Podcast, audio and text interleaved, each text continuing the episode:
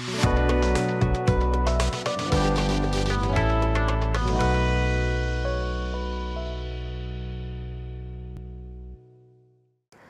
္ဂလာပါရှင်မြမပြည်သူပြည်သားအပေါင်းစိတ်ရချမ်းသာခြင်းကိုယ်ရည်ကျန်းမာခြင်းနဲ့ပြည့်စုံကြပါစေလို့ PPTV အဖွဲ့သားတွေကဆုတောင်းမြတ်တာပို့တာပါတယ်ခုတစ်ပတ်တွင်ဖြစ်ပေါ်ခဲ့တဲ့သတင်းတွေနဲ့ပတ်သက်ပြီးသတင်းကျဉ်းချုပ်ကိုကျွန်မစင်စင်ကတင်ဆက်ပေးသွားမှာပါ ပထမဆုံးသတင်းအနေနဲ့ခက်ခဲပေါင်းမြောက်များစွာကိုကြကြခံရင်ဆိုင်ပြီးပြည်သူ့ဘက်ကမမမမတ်ရက်တီခဲ့တယ်လို့တတိုင်းပြည်လုံးကိုလွှမ်းခြုံပြီးစီယုံဥဆောင်မှုပေးနိုင်ခဲ့တဲ့ NLD ပါတီတီထောင်တဲ့နေ့ဟာဂုဏ်ပြုတိုက်တယ်လို့ NUG ယာယီသမ္မတကပြောကြားခဲ့တဲ့သတင်းပဲဖြစ်ပါတယ်ရှင်။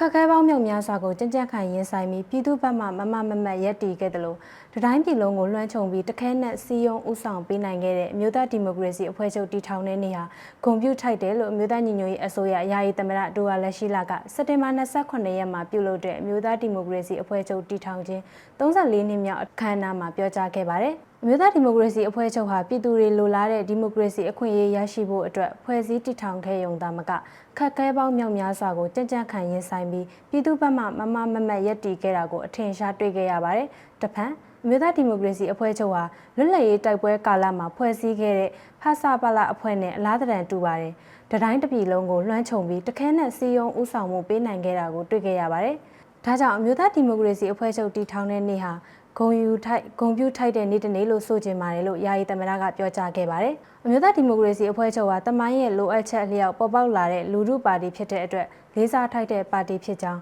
ပါတီတက်တန်းနုနယ်သေးပေမဲ့လှုပ်ဆောင်မှုစွမ်းပကကြီးမားတာကိုတွေ့ရတယ်လို့ယာယီသမ္မတကဆက်လက်ပြောကြားခဲ့ပါတယ်ရှင်။ဆက်လက်တင်ဆက်ပေးမယ့်သတင်းကတော့ CDN တွေကိုထောက်ပံ့နိုင်ရင်နိုင်ငံတကာအကူအညီတွေမရခဲ့ရင်နောက်ဆုံးနည်းလမ်းသုံးပြီး ဝိုင်းဝန်းကြိုးပမ်းကြဖို့ NUG ပြည်အောင်စုဝန်ကြီးချုပ်ကတိုက်တွန်းပြောကြားခဲ့တဲ့သတင်းပဲဖြစ်ပါတယ်ရှင်။နိုင်ငံတကာအကူအညီတွေမရခဲ့ပါက CDN တွေကိုကူညီနိုင်ရန်ခက်ခဲပေမဲ့နောက်ဆုံးနီလန်သုံးပြီးဝိုင်းဝန်းကြိုးပမ်းကြဖို့အမျိုးသားညီညွတ်ရေးအစိုးရပြည်အောင်စုဝန်ကြီးချုပ်မန်ဝင်းခိုင်တန်းကစက်တင်ဘာ28ရက်မှာပြုလုပ်တဲ့အမျိုးသားညီညွတ်ရေးအစိုးရ66ကြိမ်မြောက်အစိုးရအဖွဲ့အစည်းမှာတိုက်တွန်းပြောကြားခဲ့ပါတယ်။တကယ်တော့ကျွန်တော်တို့တွေလည်းအစိုးရစတင်မဖွဲ့စည်းခင်ကတည်းက ပြည်အောင်စုလွှတ်တော်ကိုစားပြုကော်မတီအနေနဲ့လည်းကြိုးပမ်းခဲ့ကြတာတွေရှိသလိုအမျိုးသားညီညွတ်ရေးအစိုးရဖွဲ့စည်းပြီးနောက်ပိုင်းမှာလည်းစီရီယန်တွေအတွက်ခန္ဓာဆောင်ကစဉ်းစားကြဆွေးနွေးခဲ့ကြပြီးစီမံနိုင်မှုတို့လည်းအားထုတ်ခဲ့ကြပါတယ်။ဒါပေမဲ့အားလုံးသိတဲ့အတိုင်းနိုင်ငံတကာလူသားစာနာအကူအညီမျိုးတွေမရတော့ဘဲနဲ့တော့ကျွန်တော်တို့သူရဲကောင်းစီရန်တွေအားလုံးကိုကူညီပေးနိုင်မှုအခက်အခဲတွေဖြစ်နေရအောင်မှာပါပဲ။ ဒါကြောင့်ဒီလေးနက်နဲ့မရရင်နောက်နီလန်တုံပြီးဝိုင်းဝန်းစူးစမ်းအထောက်ပေးကြဖို့တိုက်တွန်းလိုပါတယ်လို့ပြည်အောင်စုဝန်ကြီးချုပ်ကပြောကြားခဲ့ပါတယ်ပြည်အောင်စုဝင်ကြီးချုပ်ရုံးကတာဝန်ယူထားတဲ့ဌာနဆယ်ခုထဲမှာစိုက်ပျိုးရေးမွေးမြူရေးနဲ့ဆယ်မြောင်းဝင်ကြီးဌာနမှာလက်ရှိတော်လန်ရေးရဲ့အခြေအနေအရတချို့သောစိုးမိုးထိန်ချုပ်နေမြေတွေနဲ့မကြခင်ကာလမှာပေါ်ပေါက်လာနိုင်ပွဲရှိတဲ့ပြည်내အစိုးရတွေရဲ့စီမံထိန်ချုပ်နေမြေတွေမှာစိုက်ပျိုးမွေးမြူရေးကဏ္ဍတစ်ခုမဖြစ်မနေလိုအပ်လာတော့မှာဖြစ်တယ်လို့ပြည်အောင်စုဝန်ကြီးချုပ်ကဆက်လက်ပြောကြားပါတယ်။ ကျွန်တော်တို့အနေနဲ့စိုက်ပျိုးရေးဌာနမှာ CDN များနဲ့တွေ့ဆုံဆွေးနွေးပြီးသူတို့ရဲ့ကျွမ်းကျင်မှုအတွေ့အကြုံတွေကိုတော်လန်ရေးရဲ့လိုအပ်ချက်နေရာတွေမှာဖြည့်ဆည်းနိုင်မှုစီစဉ်ဆောင်ရွက်နေတာတွေရှိပါတယ်။ဒါကြောင့်နောက်ပိုင်းမှာပြည်내အစိုးရတွေပေါ်ပေါက်လာတဲ့အခါစိုးမိုးထိန်းချုပ်နေမြေတွေများများရှိလာတဲ့အခါအစိုးရရဲ့အုပ်ချုပ်ရေးအင်အားကိုအကောင့်ထဲဖော်နိုင်မှု CDN တွေရဲ့အင်အားတွေအများကြီးလိုအပ်လာမှာဖြစ်ပါတယ်လို့ပြည်အောင်စုဝန်ကြီးချုပ်ကပြောကြားပါတယ်ရှင်။ဆက်လက်တင်ဆက်ပေးမယ့်သတင်းကတော့အာနာသိမ့်ပြီးတစ်နှစ်ကျော်အတွင်း အကြမ်းဖက်စစ်ကောင်စီကအသက်18နှစ်အောက်ကလေးငယ်240နီးပါးကိုတပ်ဖြတ်ခဲ့ပြီး380နီးပါးဖမ်းဆီးထိန်းသိမ်းထားတဲ့သတင်းပဲဖြစ်ပါတယ်ရှင်။2021ခုနှစ်ဖေဖော်ဝါရီလ1ရက်အကြမ်းဖက်အာဏာလုယူခဲ့တဲ့နေ့ကစပြီးယနေ့အချိန်ထိအာဏာသိမ်းပြီးတစ်နှစ်ကျော်အတွင်းအကြမ်းဖက်စစ်ကောင်စီကအသက်18နှစ်အောက်ကလေးငယ်234ဦးတပ်ဖြတ်ခဲ့ပြီး 363ဦးကိုဖမ်းဆီးထိန်းသိမ်းထားတယ်လို့အမျိုးသားညီညွတ်ရေးအစိုးရအမျိုးသမီးလူငယ်နှင့်ကလေးတငယ်ရေးရာဝန်ကြီးဌာနရဲ့အချက်လက်တွေအရအမျိုးသားညီညွတ်ရေးအစိုးရကဖော်ပြထားပါတယ်။အကြမ်းဖက်စစ်ကောင်စီအနေနဲ့2021ခုနှစ်ဖေဖော်ဝါရီလ1ရက်အကြမ်းဖက်အာဏာလုယူခဲ့တဲ့နေ့ကစပြီးယနေ့အချိန်ထိအသက်18နှစ်အောက်ကလေးတငယ်234ဦးကိုတပ်ဖြတ်ခဲ့ပြီး363ဦးမှာလည်းဖမ်းဆီးထိန်းသိမ်းခံရကြောင်းအကြမ်းဖက်စစ်ကောင်စီကျွလွန်ခဲ့တဲ့ရက်ဆက်ကြမ်းကြုတ်မှုတွေမှာအသက်ခံတာရင်းနှီးပေးဆက်ခဲ့ကြရသူတွေအလုံးအတွက်တရားမျှတမှုပြန်လည်ရရှိနိုင်ရေးဖြစ်စဉ်တစ်ခုစီတိုင်းရဲ့တက်တဲ့အထောက်အထားတွေကိုစနစ်တကျစုစည်းပြီးသက်ဆိုင်ရာတရားစွဲအဖွဲ့အစည်းတွေစီပို့ဆောင်လျက်ရှိရလို့လည်းဖော်ပြထားပါတယ်။ ကျန်းဖက်စစ်ကောင်စီဟာဒီပဲရင်မြို့နယ်လက်ရက်ကုန်းကျွာအစုလိုက်အပြုံလိုက်တပ်ဖြတ်မှုအပါအဝင်2021ဇူလိုင်လအတွင်းစကိုင်းတိုင်းကဏီမြို့နယ်ရှိတောင်ပေါက်ရွာကြက်ချောင်းတော်တိုက်ရွာရင်းရွာကုန်းတာရွာတွေမှာလူ40ကျော်တပ်ဖြတ်ခဲ့ခြင်း2021ခုနှစ်ဒီဇင်ဘာလ9ရက်မှာစာလင်းကြီးမြို့နယ် ဒုံတော်ရွာမှာ14နှစ်ကနေ18နှစ်အကြာကလေးတငယ်၄ဦးအပါအဝင်ဒေသခံ10ဦးကိုတပ်ဖြတ်ခဲ့ပါတယ်။အဲ့ဒီအပြင်2021ခုနှစ်ဒီဇင်ဘာလ24ရက်မှာဖရူဆိုမြို့နယ်မိုးဆိုကျေးရွာမှာအမျိုးသမီးကလေးတငယ်နဲ့စေသက်ချီရမဝန်ထမ်း2ဦးအပါအဝင်49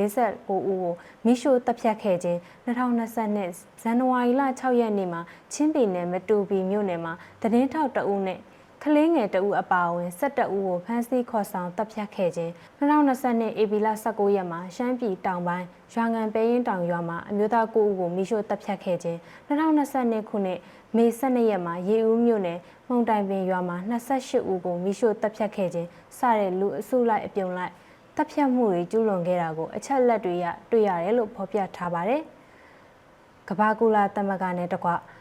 နိုင်ငံတကာအတိုင်းဝိုင်းအနေနဲ့မြန်မာနိုင်ငံနဲ့ပတ်သက်ပြီးထိရောက်ပြင်းထန်တဲ့အရေးယူဆောင်ရွက်မှုတွေကိုအလင်းမြန်ဆောင်ရွက်မှသာလျှင်ကမ္ဘာတဝန်းရှိလူသားမျိုးနွယ်စုတစ်ခုလုံးရဲ့လူအခွင့်အရေးဒီမိုကရေစီရေးနဲ့ငြိမ်းချမ်းရေးတို့ကိုချိန်ချောက်လာနေတဲ့အကြမ်းဖက်စစ်တပ်ရဲ့ရက်ဆက်ရန်ကားမှုတွေကိုရပ်တန့်နိုင်မှာဖြစ်ကြောင်းအလေးနက်ထားတိုက်တွန်းနှိုးဆော်ထားပါတယ်။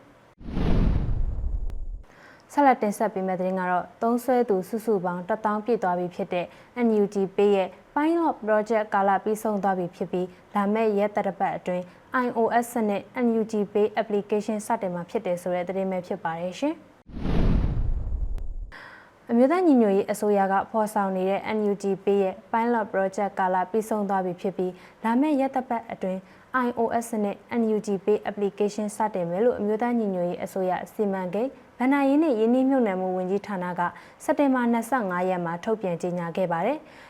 ပြည်သူလူထုရဲ့ဝန်ရံမှုတို့နဲ့ NUG ပေးသုံးဆွဲသူစုစုပေါင်း1000ပြည့်သွားပြီဖြစ်ကြောင်းသတင်းကောင်းပါပြရစီ။ Android စနစ်စတင်အသုံးပြုနိုင်ခဲ့တဲ့ဇူလိုင်လ၁ရက်နေ့မှစတင်84ရက်အချိန်မှာ Pilot စမ်းသပ်ကာလညွှန်မှန်းချက်ပြည့်မီသွားခြင်းဖြစ်ပါတယ်။မကြခင်ရက်တတပတ်အတွင်းမှာ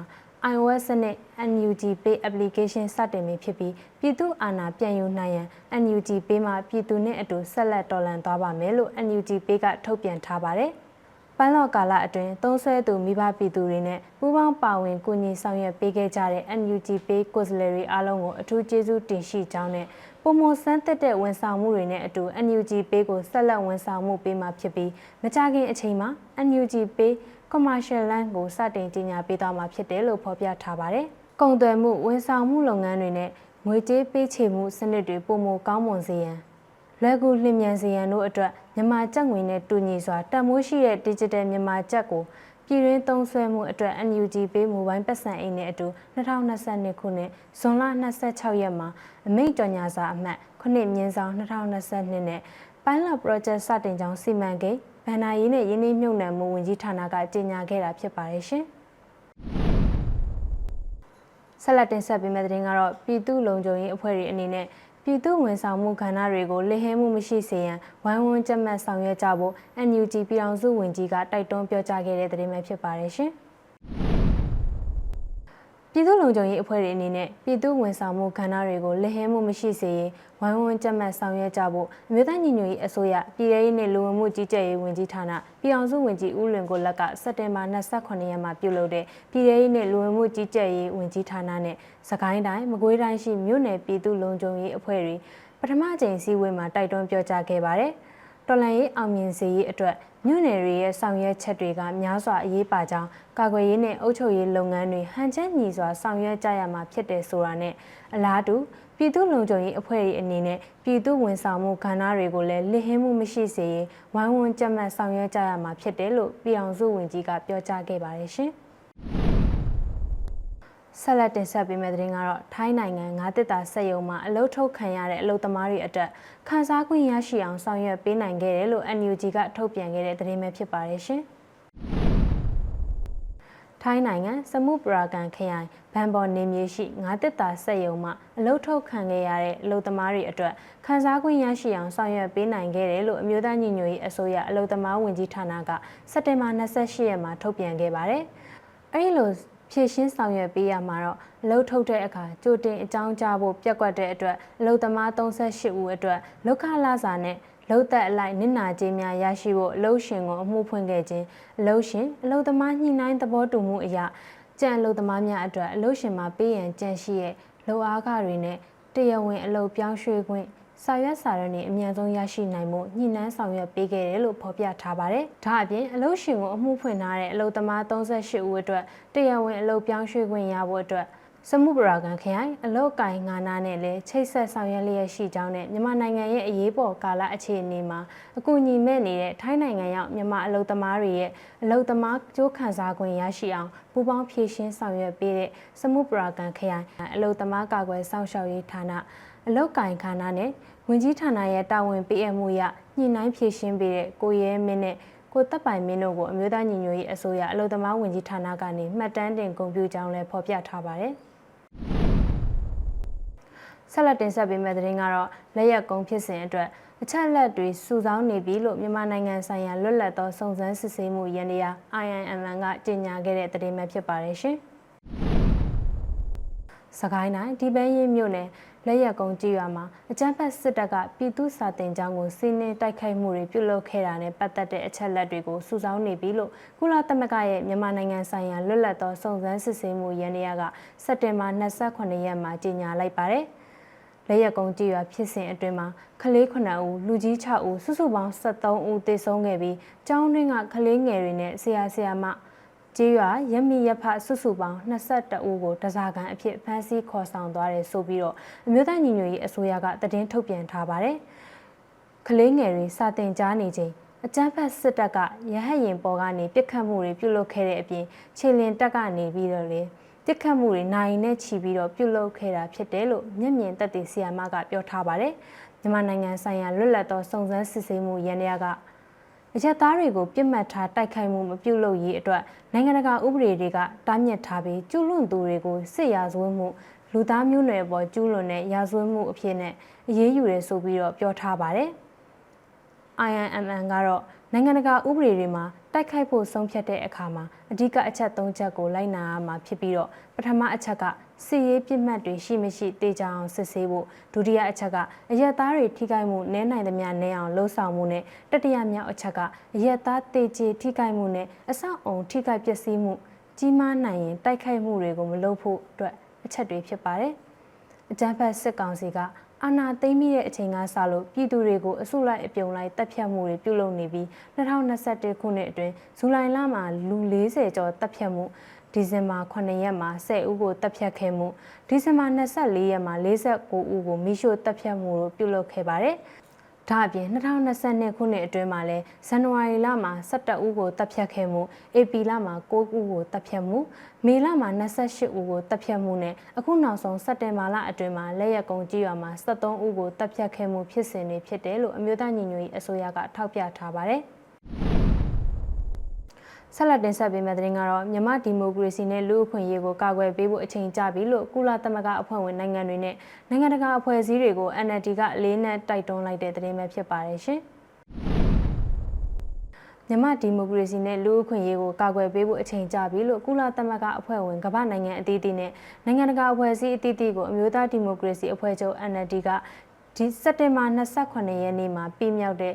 အမျိုးသားဒီမိုကရေစီအဖွဲ့ချုပ်တည်ထောင်ခြင်း34နှစ်ပြည့်မြောက်မှာအလေးနက်တိုက်တွန်းပြောကြားလိုက်ပါတယ်။စာသင်ခန်းအတွင်းမှာမူလာတန်းရွယ်ကလေးတငယ်များအပါအဝင်လူထုပေါ်စစ်ရာဇဝမှုများစွာလူမျိုးတုံးတပ်ဖြတ်မှုများစွာကိုပေါ်ပေါ်ထွန်းထွန်းကျူးလွန်လျက်ရှိတဲ့အာဏာသိမ်းစစ်ကောင်စီကိုလက်တွေ့ကျပြီးပုံမထိရောက်တဲ့နီလန်းတွေနဲ့တကွတရားစီရင်ရေးလှုပ်ထုံးလုပ်နည်းတွေအတိုင်းအရေးယူဆောင်ရွက်ခြင်းနဲ့မြမဒီမိုကရေစီလူ့အခွင့်အရေးကိုကာကွယ်ပေးရန်အကြိမ်ကြပြီးဖြစ်တဲ့အကြောင်း ကုလသမဂ္ဂအဖွဲ့ဝင်ကမ္ဘာနိုင်ငံအသီးသီးနဲ့နိုင်ငံတကာအဖွဲ့အစည်းတွေကိုလည်းအလေးနက်တိုက်တွန်းလိုက်တယ်ဆိုပြီးတော့လည်းဖော်ပြထားတာပါ။မြို့သားဒီမိုကရေစီအဖွဲ့ချုပ်အနေနဲ့အနာဂတ်ဖက်ဒရယ်ဒီမိုကရေစီပြည်ထောင်စုတည်ဆောက်ရေးမှာအရေးကြီးဆုံးပန်းကူးလုပ်ငန်းဖြစ်တဲ့အသွင်ကူးပြောင်းရေးကာလဖွဲ့စည်းပုံအခြေခံဥပဒေတရက်ပေါ်ပေါက်လာရေးအတွက်ပြင်ဆင်နေတယ်လို့လည်းဖော်ပြထားပါတယ်။ အဖွဲ့ချုပ်ဥက္ကဋ္ဌဒေါအောင်ဆန်းစုကြည်ကြေညာခဲ့တဲ့ Federal မူ6ချက်ကိုလမ်းညွှန်ချက်အဖြစ်ခံယူပြီး Federal Democracy အရေးကိုရှေ့ရှုတဲ့မိဖက်အဖွဲ့အစည်းတွေနဲ့တိုင်းရင်းသားနိုင်ငံရေးအင်အားစုအသီးသီးကထုတ်ပြန်ကြေညာထားတဲ့မူဝါဒကြေညာစာတမ်းတွေအားလုံးကိုအလေးနက်ထားပေါင်းဆက်စဉ်းစားပြီးရင်းတို့နဲ့သဘောထားတွေကိုပါရယူညှိနှိုင်းပူးပေါင်းဆောင်ရွက်သွားမှာဖြစ်တယ်လို့ထုတ်ပြန်ချက်မှာဖော်ပြထားပါတယ်ရှင်။ ဆက်လက်တင်ဆက်ပေးမယ့်သတင်းကတော့ဒုဝန်ကြီးအဖြစ်တာဝန်ပေးရခံရသူဒေါက်တာငန်းတန်မောင်ကပြည်အောင်စုလွှတ်တော်ကိုစားပြုကော်မတီရဲ့ရှေ့မှောက်မှာဂရိတစ္ဆာခံယူတယ်ဆိုတဲ့သတင်းပဲဖြစ်ပါတယ်ရှင်။ အမျိုးသားညီညွတ်ရေးအစိုးရလူသားချင်းစာနာထောက်ထားရေးနဲ့ဘေးအန္တရာယ်ဆိုင်ရာစီမံခန့်ခွဲရေးဝန်ကြီးဌာနရဲ့ဒုတိယဝန်ကြီးအဖြစ်တာဝန်ပေးရခံရသူဒေါက်တာငန်းတန်မောင်ကပြည်အောင်စုလွှတ်တော်ကိုစားပြုကော်မတီရဲ့ရှေ့မှောက်မှာဂရိတစ္ဆာခံယူပွဲကိုစက်တင်ဘာ30ရက်ည9:00နာရီအချိန်မှာပြုလုပ်ခဲ့ကြပါတယ်။ပြည်အောင်စုလွှတ်တော်ကိုစားပြုကော်မတီရဲ့ပုံမှန်လုပ်ငန်းညှိနှိုင်းအစည်းအဝေးကိုဗီဒီယိုကွန်ဖရင့်ကတဆင့်ပြုလုပ်ခဲ့ကြပြီးတော့2020ခုနှစ်ပါတီစုံဒီမိုကရေစီအထွေထွေရွေးကောက်ပွဲမှာပြည်သူလူထုကဒီမိုကရေစီနည်းကျ အနှင်းလိုက်တဲ့အာဏာကိုကျင့်သုံးပြီး2021ခုနှစ်မတ်31ရက်ကြေညာချက်အမှတ်19မြင်းဆောင်2021နဲ့ထုတ်ပြန်ကြေညာခဲ့တဲ့ Federal Democracy ပြည်ညံအရဒေါက်တာငိုင်းတန်မောင်းကိုဒုတိယဝန်ကြီးအဖြစ်ခန့်အပ်ကြောင်းကြေညာခဲ့တာပါအစည်းအဝေးမှာပြည်အောင်စုလွှတ်တော်ကိုစားပြုကော်မတီဥက္ကဋ္ဌဦးအောင်ကြည်ညွန့်ကအဖွင့်မှစကားပြောကြားခဲ့ပြီးနောက်ဒုတိယဝန်ကြီးအဖြစ်တာဝန်ပေးအပ်ခံရသူဒုတိယဝန်ကြီးဒေါက်တာငန်းတန်မောင်းကနှုတ်ခွန်းဆက်စကားပြောကြားခဲ့ပါတယ်။ အစည်းအဝေးသို့ပြည်အောင်စုလွှတ်တော်ကိုစားပြုကော်မတီဥက္ကဋ္ဌအတွင်းရေးမှူးတွေဖွဲ့ဝင်တွေလူသားချင်းစာနာထောက်ထားရေးနဲ့ဘေးအန္တရာယ်ဆိုင်ရာစီမံခန့်ခွဲရေးဝန်ကြီးဌာနဒုတိယဝန်ကြီးဒေါက်တာငိုင်းတန်မောင်တို့တက်ရောက်ခဲ့ကြတယ်လို့ပြည်အောင်စုလွှတ်တော်ကိုစားပြုကော်မတီရဲ့သတင်းထုတ်ပြန်ချက်မှာဖော်ပြထားတာတွေ့ရပါတယ်။ ခုနောက်ဆုံးတင်ဆက်ပေးမယ့်သတင်းကတော့အကြမ်းဖက်စစ်တပ်ရဲ့လေကြောင်းတိုက်ခိုက်မှုကြောင့်လက်ရကုံကြေးရွာစတင်ကျောင်းမှာကလေးငယ်တွေနဲ့ပြည်သူတွေတေဆုံးရမှုကိုကုလအစည်းအဝေးမှာတန်အမတ်ကြီးဦးကျော်မိုးထွန်းကပြောကြားလိုက်တဲ့သတင်းပဲဖြစ်ပါတယ်။ကျန်းဖက်စစ်တပ်ရဲ့လေကြောင်းတိုက်ခိုက်မှုကြောင့်ဒီပဲရင်မြို့နယ်လက်ရက်ကုန်းကြေးရွာစာတင်ကျောင်းမှာကလေးငယ်9ဦးအပါအဝင်ပြည်သူစုစုပေါင်း73ဦးသေဆုံးခဲ့တဲ့အပေါ်ကုလသမဂ္ဂဆိုင်ရာမြန်မာအမြဲတမ်းကိုယ်စားလှယ်တန်အမတ်ကြီးဦးကျော်မိုးထွန်းကပြောကြားလိုက်ပါတယ်။ 89ကြိမ်မြောက်ကုလသမဂ္ဂအထွေထွေညီလာခံရဲ့တတိယကော်မတီအစည်းအဝေးမှာလူမှုဖွံ့ဖြိုးတိုးတက်မှုနဲ့ဆက်လျင်းပြီးစက်တင်ဘာ30ရက်ကမေကွန်းပြောကြားရမှာအခုလိုထည့်သွင်းပြောကြားလိုက်တာပါ။ဒါအပြင်မြန်မာနိုင်ငံမှာလူပေါင်း2300ကျော်တပ်ဖြတ်ခံထားရတယ်။နေရက်စွန့်ခွာသူ1.3တန်းကျော်ရှိပြီးပြည်သူ14တန်းကျော်အနေနဲ့လူသားချင်းစာနာထောက်ထားမှုဆိုင်ရာအကူအညီတွေလိုအပ်လျက်ရှိတယ်။တစ်ဖက်မှာလည်းနေအိမ်2800ကျော်ဖျက်ဆီးခံထားရတာ ကြေးရွာတွေရွာလုံးကျွတ်မီးရှို့ဖျက်ဆီးခံရတာကလေးငယ်380ကျော်တပ်ဖြတ်ခံရတာနဲ့ကလေးငယ်1400ကျော်ဖမ်းဆီးထိန်းသိမ်းခံရရတွေရှိတယ်ဆိုပြီးတော့တာမတ်ကြီးဦးကျော်မိုးထွန်းကမေကွန်းထဲမှာထည့်သွင်းပြောကြားခဲ့ပါတယ်။ဦးကျော်မိုးထွန်းကမိမိအနေဖြင့်အဆိုပါကိန်းကနန်းများကိုစိတ်လွန်စွာမချမ်းမြေ့စွာဖြင့်ပြောကြားနေရကြောင်းအခုအချိန်တွင်စစ်တပ်ရဲ့တပ်ဖြတ်ခြင်းကိုခံရတဲ့ကလေးငယ်များ၏မိဘများအနေဖြင့်မိမြောက်ဝမ်းနဲ့ကြေကွဲနေမိကို မတွေးဝင်ကြောင်းပြောကြားခဲ့တာပါအကြမ်းဖက်စစ်တပ်ကလွန်ခဲ့သော16လအတွင်းမှာတရားမဝင်တပ်ဖြတ်တာညှဉ်းပန်းနှိပ်စက်တာအစုလိုက်အပြုံလိုက်တပ်ဖြတ်တာကြေးရွာတွေကိုဖျက်ဆီးတာနဲ့လူအခွင့်အရေးချိုးဖောက်တာတွေကိုကျူးလွန်ခဲ့တာရင်းတို့ရဲ့ပြစ်မှုတွေကိုလူသားမျိုးနွယ်စုအပေါ်ကျူးလွန်တဲ့ပြစ်မှုနဲ့စစ်ရာဇဝတ်မှုမြောက်နေတယ်ဆိုပြီးတော့လည်းပြောချထားတာတွေ့ရပါတယ်ဒါကတော့တပတ်တွင်းဖြစ်ပေါ်ခဲ့တဲ့သတင်းအကျဉ်းချုပ်ကိုတင်ဆက်ပေးခဲ့တာပဲဖြစ်ပါတယ် ကျေးဇူးတင်ပါတယ်ရှင်